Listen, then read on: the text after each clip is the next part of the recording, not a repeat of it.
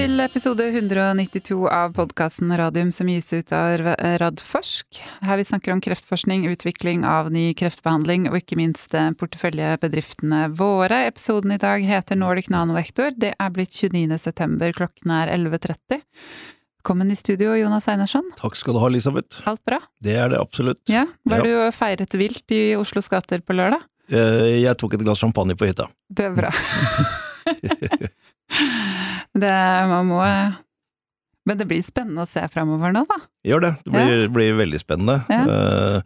uh, ting er eh, at den fjerde bølgen nå er jeg temmelig sikker på er under bra kontroll og Mm. god, veldig god vaksinedekning. Men så så jeg senest i dag en uh, svensk studie yep, som viste at det var uh, antistoffene datt helt ned til 15 etter syv måneder. Det er en Mhm. liten studie egentlig, men det betyr at vi snart har sirkuset i gang igjen i så fall, da, med tre, tredje runde.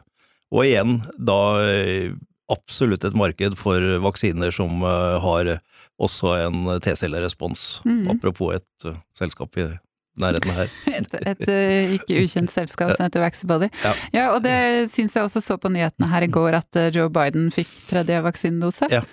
Så det jeg vet ikke om de har begynt med det for alle i USA, eller om han var specially chosen. Det er Så mye mer leste jeg ikke, Nei. skal jeg ærlig innrømme. Eh, men eh, du og jeg er ikke her alene i dag. Vi har med oss Erik Skullerud, eh, ny CEO i Nordic Nanovektor. Velkommen. Tusen takk, tusen takk, tusen takk for invitasjonen. Og du er til og med i studio. Ja, jeg prøver å være der jeg kan, så ofte jeg kan, så jeg har delt meg. Selvdeling. Celledeling. Veldig bra. Og så har vi med oss Marlene Brøndberg, CFO eh, Nordic Nanovektor på Zoom. Velkommen, Marlene. Takk for det. Takk. Supert. Eh, Vi har et par nyheter først, som vi kan ta veldig kjapt. Vi Vi kan begynne med Targovax, som har fått eh, patent i EU. EU. Ja. på kombinasjonen av Onkos 102 og kjemoterapi. Ja. Eh, Det styrker patentfamilien og er eh, bra jobba. Det er jo en evig jobb med sånne patenter. Det Mhm. skal utvides og forsterkes og forlenges, så det er bra. Ja, det er bra. Mm. Eh, og så var det andre nyheten er at Onkoinvent de går da videre til neste dosenivå i den studien de har i ovariekreft. Det er, eh, er jo ingen overraskelse i det. Vi har jo allerede behandlet en del pasienter med samme dose eh, i eh, den andre studien, i kolorektal, så vi hadde ikke forventet noe der. Men det er alltid hyggelig når, det, når man kan tikke av en boks og gå videre. Så nå er det 7 megabecquerel-dosen på ovariet som skal eh, jobbes videre med. Så det, det er bra. Det var vel det vi forventet etter den eh, Q2-rapporten de hadde for ikke så veldig lenge siden. Eh, Men da må vi over til eh, Nordic Nanovektor, og jeg tenkte vi skulle bruke litt tid nå i starten med deg, Erik, på at du kan fortelle litt om deg selv, bakgrunnen din, og eh, også motivasjonen for å ta over i Nordic Nanovektor nå. Mm. Ja, nei, tusen takk. Um, altså, jeg, jeg er jo nordmann, som, som folk hører. Uh, som jeg vet, så tror jeg faktisk jeg er vel den første nordmannen i Nordic Nanovector med CEO um, bak navnet, og er uh, utrolig, utrolig stolt over det. Uh, jeg, har, um, jeg har brukt mesteparten av livet mitt i utlandet. Jeg flyttet egentlig ut eh, sammen med Bayer, det er mange, mange år siden nå. Eh, jeg er rent kommersiell i bakgrunn. Startet eh, karrieren min innenfor Pharma i, eh, i Bayer i mange, mange år tilbake, 1993-94. Og jobbet åtte år for de, eh, men flyttet til det nordiske hovedkontoret og var der i, i noen år. Og jobbet innenfor alt kommersielt, egentlig, både med salg og produktsjef og i det hele tatt. Og fikk en telefon fra det som den gang var et veldig lite firma, het Amgen, og fikk muligheten til å reise til Sveits med de og jobbe innenfor nyresykdom og lansere et produkt på europeisk basis, internasjonal basis, med de, eh, og dette var da i 2000. Eh, Så har jeg brukt eh, ca. 17 år sammen med, med Amgen og jobbet til dels på regionalt, på globalt nivå, eh, innenfor kommersielt, men også innenfor andre områder. Eh, alt mulig egentlig igjen, alt fra, fra strategi, eh, strategisk markedsføring, comparative competitive intelligence eh, og i det hele tatt. Eh, og fikk også muligheten der til å reise rundt omkring i verden og ha, ha managementoppgaver i Australia, jeg har vært i Hellas, jeg har vært i Nederland, eh, men også brukt veldig mye av tiden min i, eh, i regionale leder, eh, lederskapsposisjoner. Den siste var som, eh, som eh, sjef for markedsføringen av, eh, av onkologiportfolioen til, eh, til Amgen i Europa. Så i 2017 så fant jeg ut at vet du hva, jeg har lyst til å teste noe nytt. Kanskje var det en midtlivskrise, jeg vet ikke. Man kommer jo sånn når man kommer over 45 og litt, litt senere, så tenker man er dette det jeg har lyst til å gjøre med resten av livet? Eh, Og fant vel også ut at nei, jeg har kanskje lyst til å prøve noe annet. Så jeg gikk ut og startet et eh, konsulentfirma eh, som i utgangspunktet skulle være innenfor strategi, capabilities og, og egentlig alt som har med å gjøre med å lansere og gjøre en god jobb på det kommersielle innenfor farma og biotek. Eh, Det vokste veldig fort, vi hadde stor suksess med det, og jobbet egentlig fram til jeg nå har skiftet med alt strategisk både innenfor access, medical affairs, eh, lansering, kommersialisering, markedsføring Mm. etc., etc. Så vi er egentlig et lite, eller var et lite virtuelt firma hvor man kan trekke, trekke, med, eh, trekke med seg erfaring på alle områder innenfor small biotech, Mm. og har jobbet med masse firmaer, både små og store, eh, over hele verden. Mm. Eh, Så når, når eh, spørsmålet da kom fra, fra Nanovektor, så kan man jo stille seg, hvis du har hatt det så gøy med, med dette her, hvorfor gå tilbake inn i industrien? Mm. Eh, Og for meg så har det vært viktig å, eh, for det første, det å få det spørsmålet fra et norsk firma, det, det treffer jo hjerterota. Mm. eh, Og gjør at man eh, tenker ikke bare én gang, men to ganger, tre ganger. Dette må jo være veldig, veldig spennende. Og spesielt når du da får det fra et firma som har vært så mye profilert som Nanovektor, Mm. så er det veldig spennende.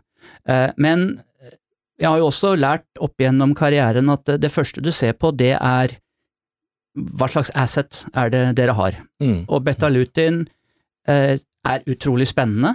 Jeg hadde muligheten, også som konsulent, med, til å jobbe med, med nanovektor på et par prosjekter. Første var i 2016, så jeg har jo fulgt firma. Mm. Selv om jeg ikke har vært involvert, så har jeg fulgt firma fra egentlig fra 2015-2016, eh, og sett hva som, eh, hva som har pågått. Eh, I og med at jeg også har vært i Bayer, så har jeg også Mm. fulgt veldig mye på Algeta-historien og eh, la meg si proof of concept med denne type medikamenter, og, eh, og alt som, som grunnleggerne egentlig har gjort før nanovektor eh, Mm. ble født, for å si det sånn. Så interessen har vært der. Firmaet, firma utrolig spennende. Eh, Jeg tror det har et enormt potensial. Jeg er utrolig imponert over det jeg har sett så langt av hvor godt man faktisk har forberedt seg allerede nå, som jo er noen år før lansering, Mm. på selve lanseringen. Eh, Jeg liker menneskene. Eh, Jeg kjente en del av de før jeg, før jeg i det hele tatt begynte å intervjue med dem. Eh, og jeg syns, jeg syns som sagt potensialet her er, er utrolig. Mm. Så jeg gleder meg enormt til å sette tenna i det her. Så bra. Det er, det er veldig spennende. Kan ikke du bare sånn, fordi at vi har jo øh, flere eh, selskaper innenfor radiofarmaka. Mm. Vi har jo hatt Algeta fra før, og det er OncoInvent, og det er et, enda et nytt som, som kommer nå. Mm. Eh, og mitt, mitt inntrykk er at denne sektoren er begynt å bli veldig het sånn eh, internasjonalt, og det er flere selskaper som nå, og for så vidt også investorer, som ser etter selskaper innen, innenfor uh, radiofarmaka. Mm. Nei, jeg tror du har rett i det, jeg tror du har rett i det, Jonas. Og eh, en av de andre kundene jeg har jobbet med før jeg kom inn i, i, eh, i eh, å jobbe med, med Nordic Nanovector, var AAA, som jo ble kjøpt av, av Novartis. Eh, man har sett eh, studieresultater bare de siste ukene på, på Var det på var det prostatakancer eller noe? Mm, på, ja, mm. som også går i den retningen. Jeg tror helt klart det er interesse. Jeg tror helt klart det er interesse der ute, og den er økende. Eh, Jeg tror også at eh, det man har vist tidlig på, eh, er at medikamentene fungerer, og det at man har en så fokusert virkningsmekanisme, er, nok det som folk og investorer ser mest på. Ja. For det er ingen tvil om at, om og man ser det på korona også, vi, vi er jo nesten ute etter et null risk-samfunn. Mm. Så det at du får en kombinasjon av targeted therapy på ene siden, med relativt lite, veldig få bivirkninger på den andre siden. Det er jo, det er jo helt, helst dit vi vil. Ja, ja. Det er, det er jeg helt enig i. Det er- Bivirkningsprofiler blir viktigere og viktigere. Mm. Fordi det er ikke bare livsforlengende behandling vi gir lenger. Vi skal også eh, behandle pasienter som skal leve i mange år, også etter behandlingen. Ja. Det er, det, det er annerledes nå enn det var når jeg begynte med dette, i hvert fall. Så bra. Um, hvis vi ser litt uh, framover, hva tenker du om uh, framtiden for, uh, for selskapet, og hva vil dere prioritere? Ja, så vi har, jo, vi har jo de siste kvartalene fokusert veldig mye på Paradigm, Mm. og på å gjøre oss ferdig med det. Vise at vi kan le levere på det vi lover. Det må vi fortsette med. Det er første prioritet, og det skal, vi, det skal vi levere på. Noe av årsaken til at jeg syns det her er spennende, er jo at det er ikke bare Paradigm, det er ikke bare Betalutin som firmaet har. Mm. Det er andre assets som ligger bakom det her, eh, og det er en portefølje som man kan snakke mye mer om. Mm. Vi kommer til å ha en R&D-day nå i fjerde kvartal. Eh, dato kommer snart, eh, og vi kommer til å snakke mye mer om hva er resten av selskapet, kan du si, også der. Men igjen, første prioritet er helt klart å få Betalutin ferdig studert, for å si det sånn, Mm. i, i den fasen det det er nå. Eh, ja, det er kanskje litt overflødig med neste spørsmål, da, fordi jeg tenker på den der kombinasjonen dere har eh, den, eh, den fase 1-studien der dere har sett på Betalutin i kombinasjon med Rituximab. Um, er det da en av de andre assetsene dere tenker å gå videre med, eller? Er det liksom først nå paradigme, og så får vi se. Altså jeg, jeg vil jo legge vår pipeline egentlig inn i et par kategorier. Det ene er betalutin. Der er third line, det vi jobber på nå, egentlig det vi det skal vi levere på først. Men så er det også andre ting som vi har snakket om Mm. allerede innenfor det medikamentet, som er muligheter. Det ene er kombinasjonen med rituximab og, og gå mot andre linje. Og så har du DLBCL, eh, large cell, Mm. som også er en eventuell mulighet. Og der har vi jo snakket med, med investorer allerede, eh, og i kvartalscalls eh, osv., om, om mulighetene vi har med det. Men jeg tror igjen mange har glemt det her, på grunn av at det har vært så stor fokus på Paradigm. Mm. Og det er helt klart én del av den muligheten som vi har eh, når vi ser fremover. Den andre er andre ting som vi ikke har snakket så mye om enda, men som vi kommer til å snakke mer om Mm. fremover. Og jeg, jeg må jo også si det, jeg har vært i, i firmaet nå i fem-seks dager, så det er for tidlig for meg å si altfor mye om hva, hva slags planer har vi, men det er ingen tvil om at det, det, det videre, det vi ønsker å gjøre her, er også å ta en god kikk på resten av porteføljen vår, og hva kan vi gjøre der, og hvordan kan vi maksimere eh, altså muligheten for investorene våre, men også for de pasientene som vi jobber med. Det er jo de som er, er de viktigste i alt dette her. Det skal vi ikke glemme. Så det, det jeg tenker da, det, det som du sier at dere har i pipeline, det er jo da basert på preklinisk eh, forskning. Mm. Ja, vi er ikke, vi er ikke særlig atypiske i den, i den eh, Altså, vi må velge. Jeg skulle ønske at vi hadde hatt mange, mange, mange mange flere millioner og kunne kjørt mange, mange, mange flere forsknings- og utviklingsprosjekter. Mm. Eh, Men vi som alle andre har x antall eh, dollar, kroner, euro som vi kan bruke, og de må vi bruke fornuftig. Mm. Og det er jo også noe av det som, som Alene bruker mye tid på, det er hvordan gjør vi dette her på, på best mulig måte, og virkelig maksimerer også den delen av, av firmaet. Mm. Mm. Så bra. Det var en fin bro over til eh, spørsmål til deg, Marlene, om, om finansene. Hva, hva tenker du om det? Altså, dere har jo tillit i markedet. Det hentet jo mye penger nå, nå i våre, så dere er jo godt skodd eh, nå. Um, og kanskje med en ny, altså litt mer fokus på en ny pipeline, så kan man jo kanskje tiltrekke seg enda flere også. Si litt hva du tenker her. Jamen, øh, altså, vi, vi gjør jo, som du også sier, vi, vi har vært, øh, vi har vært øh, heldige med å hente gode penger. Og det vi jo selvfølgelig gjør, vi gjør alt for å passe godt på dem og spendere dem så fornuftig som mulig. Um, og så selvfølgelig, som Erik også lige nu sier, det er selvfølgelig viktig at det, at det er Paradigm, som vi også har highlightet på ma- øh, mange kvartaler. Uh, nå skal Erik selvfølgelig lige få lov å komme seg inn i, uh, i selskapet og få set på hvad online. Og så skal vi selvfølgelig se på hvordan gjør vi det. har vi helt sikkert som er, er superspennende. Um, så så må vi se på det når vi kommer. Men vi har salg og, og, og neste år. Um, så um, ja. Men uh, vi passer godt på dem. Og vi vet jo det er shareholders money, så vi det er bra. Jeg vet det har blitt sagt av tidligere CEO-er at du fører et, fører et tight ship, som de har sagt, så det, det er bra.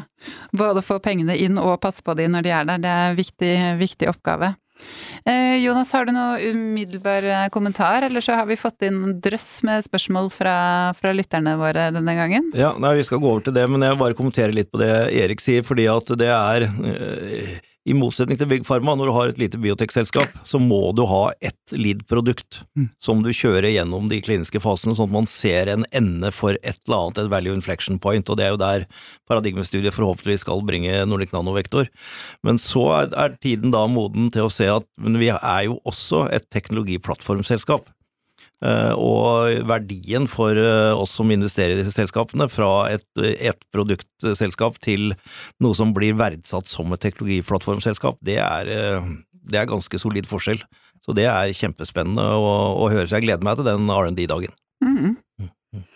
Absolutt. Men da skal vi gå over til spørsmål fra lytterne. Tusen hjertelig takk for, for alle tilsendte. Det er mange som går på det samme, så vi gidder ikke å stille ti varianter av egentlig det samme spørsmålet. Men eh, vi skal innom litt eh, forskjellige temaer. Eh, først eh, så er det en som gratulerer deg med jobben, Erik. Tusen takk. Ja. Og så spør han eller hun hvilke muligheter ser du for deg at betalutin, eventuelt i kombinasjon med andre legemidler, kan bli førstelinjebehandling på sikt? Altså, vi må ta det her stegvis. Det er viktig. Vi må forstå tredjelinje først. Eh, vi har jo begynt, som sagt, litt med andrelinje. Vi har vist kombinasjonspotensialet til en viss grad. Så det er ingen tvil om at det er, det er retningen som vi behøver mm. å gå. Hvilke medikamenter man kan kombinere med, hvordan man kombinerer osv., der må vi se på vitenskapen. Mm. Vitenskapen skal lede oss på dette her. Altså, det jeg, det jeg lærte gjennom min tid i, i Amgen, var at du må la Let the science lead you. Mm. Og det må være fundamentalt i alt vi gjør. Og det vil også informere oss om hvordan driver vi da forskningen videre, og i hvilken linje blir vi, eh, eller kommer vi til å være, med hvilke andre medikamenter. Eh, kan, jeg kan ikke svare på hvilke det måtte være, men vi har jo helt klart sett at i hvert fall med Rituximab så har du en synergistisk effekt. Absolutt. Mm.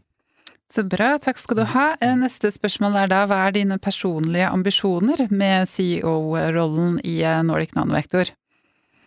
Altså jeg, det er et veldig godt spørsmål, eh, og jeg kunne være veldig egoistisk og si at jeg har, jeg har tre, tre, ambisjoner. Jeg, det er, dette, er ikke, dette er ikke meg vi skal fokusere på. Dette er firmaet firma vi skal fokusere på. Og det er pasientene som vi faktisk jobber mot, som vi skal fokusere på. Mm. Altså, hvis vi klarer å få sette sammen god vitenskap med et godt produkt som gjør at pasienter lever lenger, da har jeg gjort en god jobb. Da mm. har vi gjort en god jobb. Da har alle innenfor Nordic Nanovector gjort en god jobb. Så det er helt klart én ambisjon. Det andre er å, å, å oppnå en transparens, en kommunikasjon med alle stakeholders, om det må være investorer, eller pasienter, eller healthcare providers, eller hvem det nå måtte være, sånn at vi kan, vi kan gjøre livene til pasientene som, så gode som vi overhodet mm. kan. Veldig mange små og store firmaer, de gjør veldig mye godt veldig tidlig på, og så glemmer de hvordan snakker de best med de som skal betale for dette her. Mm, mm. Hvordan snakker de best med investorene sine? Hvordan snakker de best med pasientene sine? Og det er ingen tvil om at en av konsekvensene til, eh, med korona er at vi som industri behøver å være mye mer pasientfokusert. Mm. mm. Så bra. Eh, neste spørsmål gjelder rekrutteringen av pasienter i Paradigme. Om dere er fornøyd med rekrutteringen så langt i kvartalet? Litt usikker på om du kan kommentere den uh...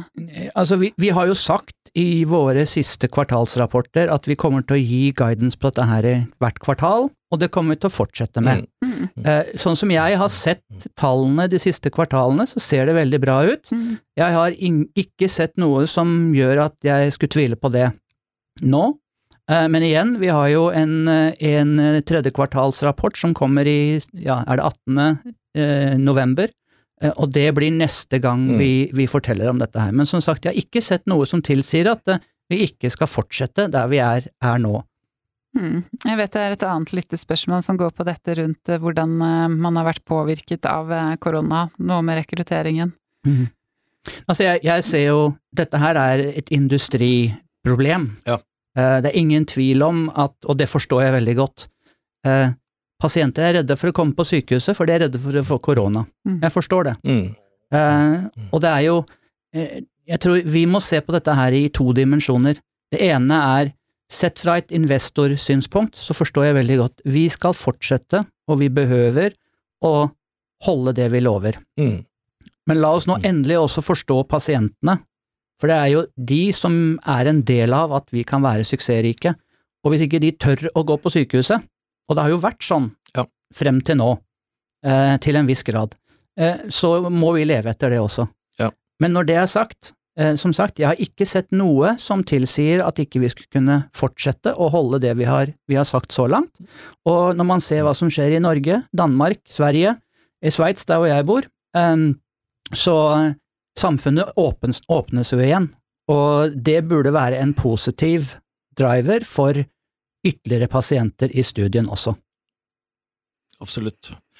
Det har, det, det har, som du sier, det er, det er jo et uh, problem for, for, hele bransjen, mm. dette med, med, rekruttering. Og så ser vi at noen selskaper uh, rekrutterer veldig bra, og noen uh, mye dårligere i, under pandemien. Mm. Og jeg har kikka litt på det, og det, har veldig mye med i hvilken tilstand er pasientene som vi skal eh, behandle, eh, hvor langt unna bor de, hvor ofte må de ellers på sykehuset hvor de ikke burde være, skulle vært hvis de ikke hadde vært med i studiet. Mm. Eh, så det er, mange, sånn, det er mange kompliserte faktorer som spiller inn. Ja. Men også da hvor komplisert er det å være med i studien i forhold til å ikke være med. Og der er jo faktisk en fordel med, med nettopp dette med compliance med, med betalutin. Ja. At du, du, må ikke inn og ha åtte sykler. Er, du, du, får behandlingen denne, denne, gangen. Så det, når det nå løsner litt igjen, så tror jeg det kan være liksom litt selling point for, eh, for klinikerne. Mm. Til å si til pasientene om du skal bare egentlig inn den ene gangen og få behandling, og så er det bare vanlige oppfølginger som du ellers ville gått på. Ja, hei, og det, du har helt rett, Jonas. Eh, og jeg snakket med, med, hun som leder våre MSLs, altså våre scientific liaisons, ute i, eh, i både USA og i Europa eh, forrige dagen.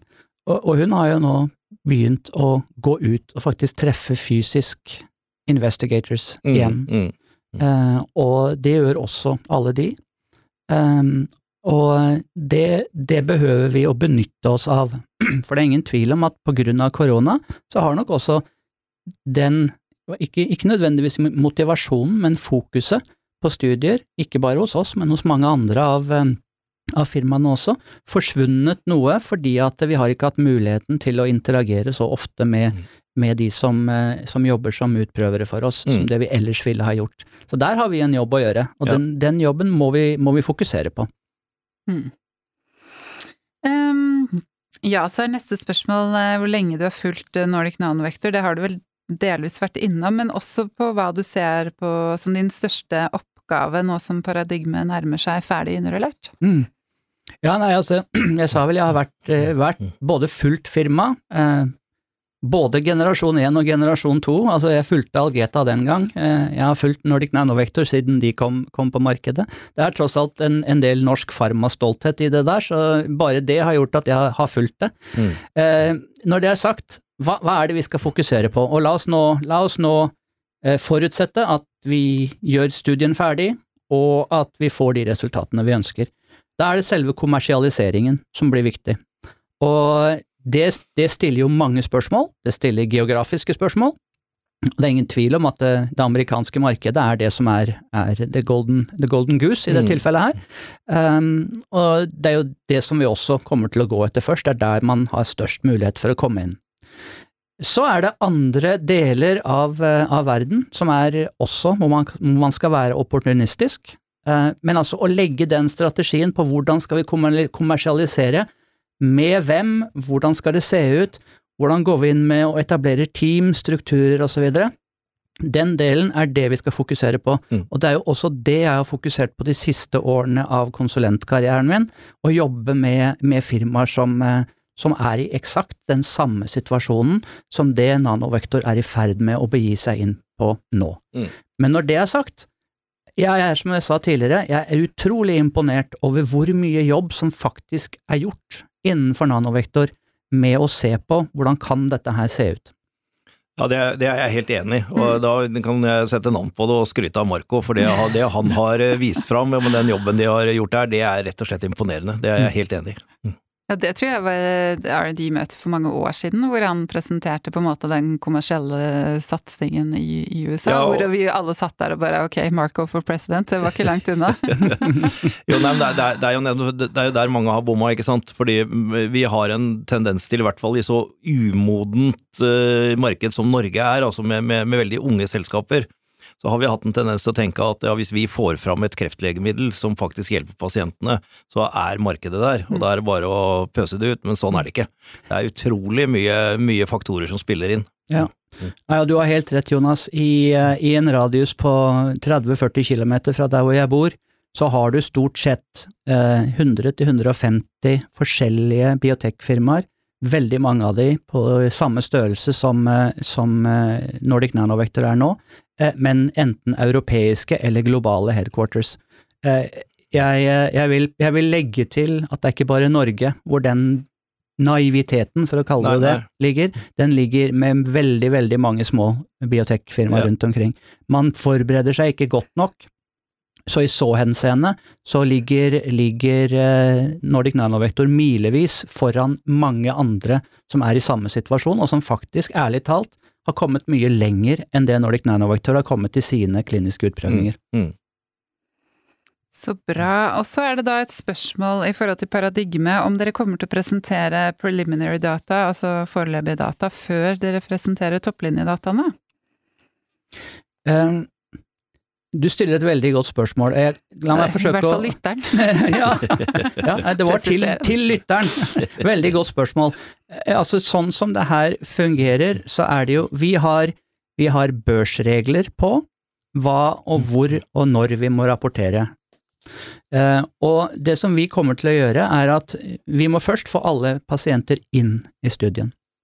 Så må vi få siste pasient skannet og det kommer til å ta ca. tre måneder. Vi venter jo tre måneder fra man får det første injeksjonen, til du faktisk ser resultatet. Mm. Mm. Når det så er gjort for siste pasient, så vil det ta et par uker eh, å få, få eh, de resultatene, sånn at du kan se har vi nå truffet primary endpoint, eller har vi ikke truffet det. Og det vil være det første vi kommuniserer. Ja. Eh, det behøver vi fra børsens side, og det behøver vi som, som, eh, som et ansvarsfullt selskap å gjøre også. Men så er det så klart, man har en masse data som man ikke kommer til å rapportere når det skjer. Eh, og det kommer til å ta tid å, å få de dataene virkelig godt mm. gjennomgått, eh, renset, og så presenteres det på en medisinsk konferanse. Ja. Eh, og da har man også egentlig basen for det som da eventuelt blir en BLA eh, når den, den tiden mm, kommer. Mm, mm. Så det er ikke så mye opp til oss, egentlig, hvordan man skal gjøre dette her. Nei. Dette her må vi følge lover og regler innenfor hvordan man gjør do the right thing ja. i det tilfellet her. Jeg tror det var, det var veldig viktig oppklaring for mange, for jeg har fått så mange spørsmål rundt det selv også. Og, og det, det er nettopp det at det man får vite først, det er liksom det møtet Jeg husker de som var på det møtet med Algeta i sin tid, har fortalt meg om det. Mm. Der hvor, hvor, det er en eh, alvorlig herremann som reiser seg og sier dere har nådd de primære endepunktene. Ja. Uh, og det, det, er det du får akkurat der og da, men det er jo også den viktigste beskjeden du kan gi, da. Ja. Så, så kan man fintolke og se og som du sier, vaske data og gjøre alt det, men det, det er jo det som blir store spenningspunktet, da. Ja, og det er jo, det er jo alltid interessant å se når den beskjeden kommer, også hvordan, hvordan folk reagerer. Ja, man kan nok forutsi at mange investorer vil si supert, eller ikke så godt, uavhengig av hva altså kommer an på hvilken data man, eller hva slags endepunkt man, eller hva slags konklusjon man får. Men så det, vil det være like mange som er misfornøyd for at man får ikke informasjon. Mm. Men altså, det må man faktisk vente på. Ja. Eh, ja. Det er dessverre sånn det fungerer. Jeg skulle ja. ønske jeg hadde en, eh, en tryllestav og kunne bare si vops, her er dataene. ja. Men dette her er tusenvis av datapunkter som man må få sammen til en god analyse. Hvorfor gjør vi det? Jo, på grunn av pasientene som vi behandler. Ja. Så bra. Og så har jeg fått veldig mange spørsmål rundt eh, samtaler, eventuelle samtaler dere har med, med partnere. Hva er din kommentar til det? Altså, for det første, la meg si, du, får, du har helt klart veldig mye godt informerte lyttere. Eh, og sikkert mange som kunne ha jobbet innenfor bransjen, når jeg ser hva slags spørsmål dere, dere, stiller, fordi at dette er jo spørsmålene som også vi stiller. I forhold til partnerskap, så er det Det er jo sånn at det er ikke sånn at det, ved et visst infliction point så begynner man å snakke. Det er, disse samtalene de pågår hele tiden.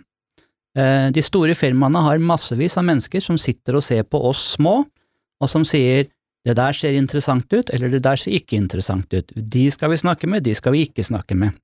Og så begynner man samtalen. Og den samtalen er pågående, så vi snakker med alle hele tiden. Mm. Og det er en viktig samtale å ha, fordi at ikke bare hos oss, men også hos de som eventuelt ser på partnerskap med oss, så forandres strategiene. Ja. Eh, og derfor så er det viktig å se de som man eventuelt går inn i partnerskap med, man vil finne den rette partner. Dette er omtrent som å gå på dating. Altså, du, du, du går ikke hjem med den første og den beste. Du, du snakker med mange, du treffer mange, og du, holder den samtalen gående, og plutselig så finner du en som du virkelig liker. Mm. Og da kommer dette her eh, også til de beste resultatene. Ja. Eh, det, det ved siden av vil jeg også si for meg, det jeg ser i industrien generelt, det er at det finnes tre forskjellige buckets når det gjelder disse samtalene. Du har de store firmaene som helt klart har blitt mer risk averse, altså de tør ikke å ta så mye risiko som de en gang gjorde. Og de har nok penger til å si vi venter til vi ser dataene deres. Mm. Og det tror jeg både, både Jan, vår chairman, og tidligere kommunikasjon også har pekt på, at de store firmaene de sitter på gjerdet til de ser dataene dine, og så betaler de gjerne litt mer. Det må vi se på som positivt, for det ja. betyr også mm. verdi for aksjeeierne. Mm.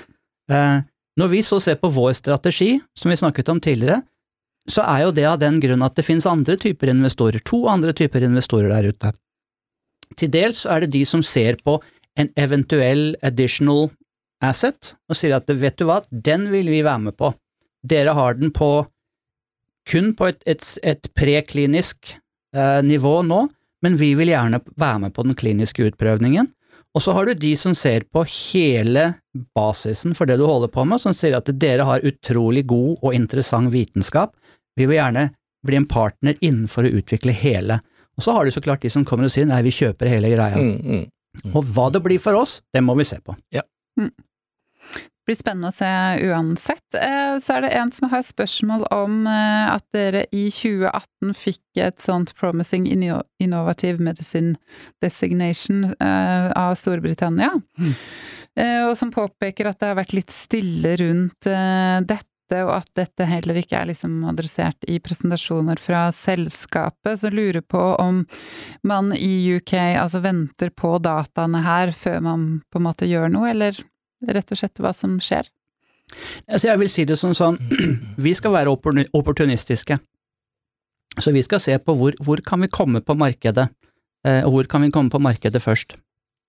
FDA er helt klart det som er det viktigste, mm. største markedet, og de som har det klareste fast track designation. Når det er sagt, eh, engelskmennene på grunn av brexit osv. har jo kommet opp med sitt eget system, veldig likt det amerikanske, så hvis det betyr at vi kan få tilgang der også, hvorfor ikke? Mm. Eh, men jeg, jeg, ser ikke noen grunn egentlig til å, å trekke ut England i, i seg selv, i det tilfellet her. Vi har, vi sonderer um, terrenget hele tiden. Hvor kan vi komme inn, når kan vi komme inn, på hvilken best måte? Det er en del av strategien vår. Uh, og vi kommer til å være opportunistiske og gjøre det så fort vi kan, men også som best vi kan. Mm. Høres veldig bra ut. Har du en siste kommentar, Einarsson? Da er vi gjennom spørsmålene. Ja, nei, så bra. Jeg tenkte jeg skulle være litt morsom og komme med en fun fact da, og si at det har vært en nordmann som var CEO før, nemlig Jan Alfheim. Men når jeg tenker meg om, så er vel han engelsk. Eller kanadisk. Kanadisk er han, ja. Kanadisk. Sorry, Jan. Sorry, Jan. Sorry, Jan. Så de, de, de, din opplysning var helt riktig, Erik. Nei, altså jeg syns det er uh, veldig hyggelig å ha deg her, uh, Erik, og, og, at du kommer inn som et uh, friskt pust nå og tar den stafettpinnen og løper den siste siste Foreløpig siste etappen til Nordic Nanovektor, så skal starte nye race. Eh, og også da tanken med at eh, forhåpentligvis ambisjonen er å bygge Nordic Nanovektor videre som et, eh, et norsk ledende selskap innen, innen radiofarmaka. Det, det, det, håper jeg blir, blir, enden på dette. Gjerne i samarbeid med, eller gjerne som Algeta blir kjøpt opp av Bayer, men har nå hele sin satsing på dette her i Norge, bare vi får beholde liksom forskning og utvikling mm. her. Det, det, det håper jeg. Ja, nei, altså Jeg er veldig takknemlig for invitasjonen. Eh, det dere gjør her, i, eh, her på Radiumhospitalet, med, med inkubatoren og hele Cancer Cluster, er jo imponerende. Ikke bare på norsk basis, men på verdensbasis. Uh, og jeg vet, Jonas, du har vært involvert i, i nanovektor ganske lenge. Jeg har, jeg har store, store, sko å fylle i den sak, i så henseende, altså fra, fra, det du har gjort. Så takk for det du har gjort for, for firmaet, selv om det er noen år siden. Eh, men når det nå er sagt, altså det, er viktig for meg eh, de neste ukene og månedene eh, Jeg vil gjerne snakke med mennesker, jeg vil gjerne forstå hva, hva er det folk syns om oss?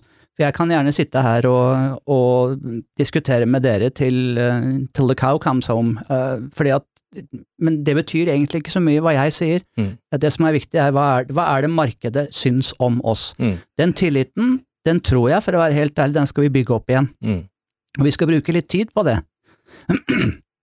Men jeg tror samtidig de planene som vi har, eh, og de planene som vi er ved å bygge opp, som jeg, jeg behøver å, å, bygge opp, eh, vi har, vi har, veldig mye spennende som vi skal gjøre. Og neste gang man hører fra oss, vil sannsynligvis være R&D Day, så jeg vil invitere alle til å, til å høre på det, og, og, komme og høre på det.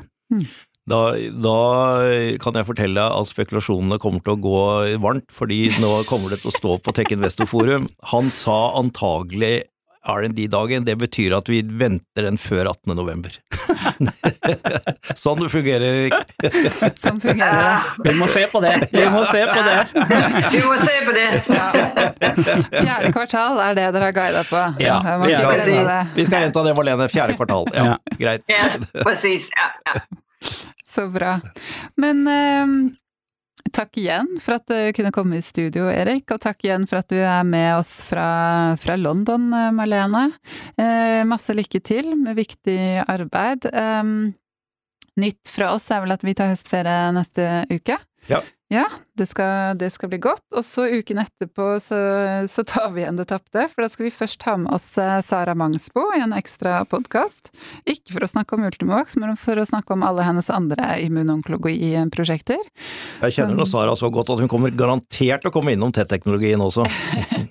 det gjør hun sikkert. Det må vi også ta oss tid til. Og så får vi besøk av, eh, av Targovax, som også er inne i en spennende fase nå. Absolutt. Ja, så det blir veldig spennende å høre nytt fra Øystein Saug og ja, jeg vet ikke hvem han tar med seg i studio, men en av de andre. Ja. Takk for oss og god høstferie til de som skal ha det.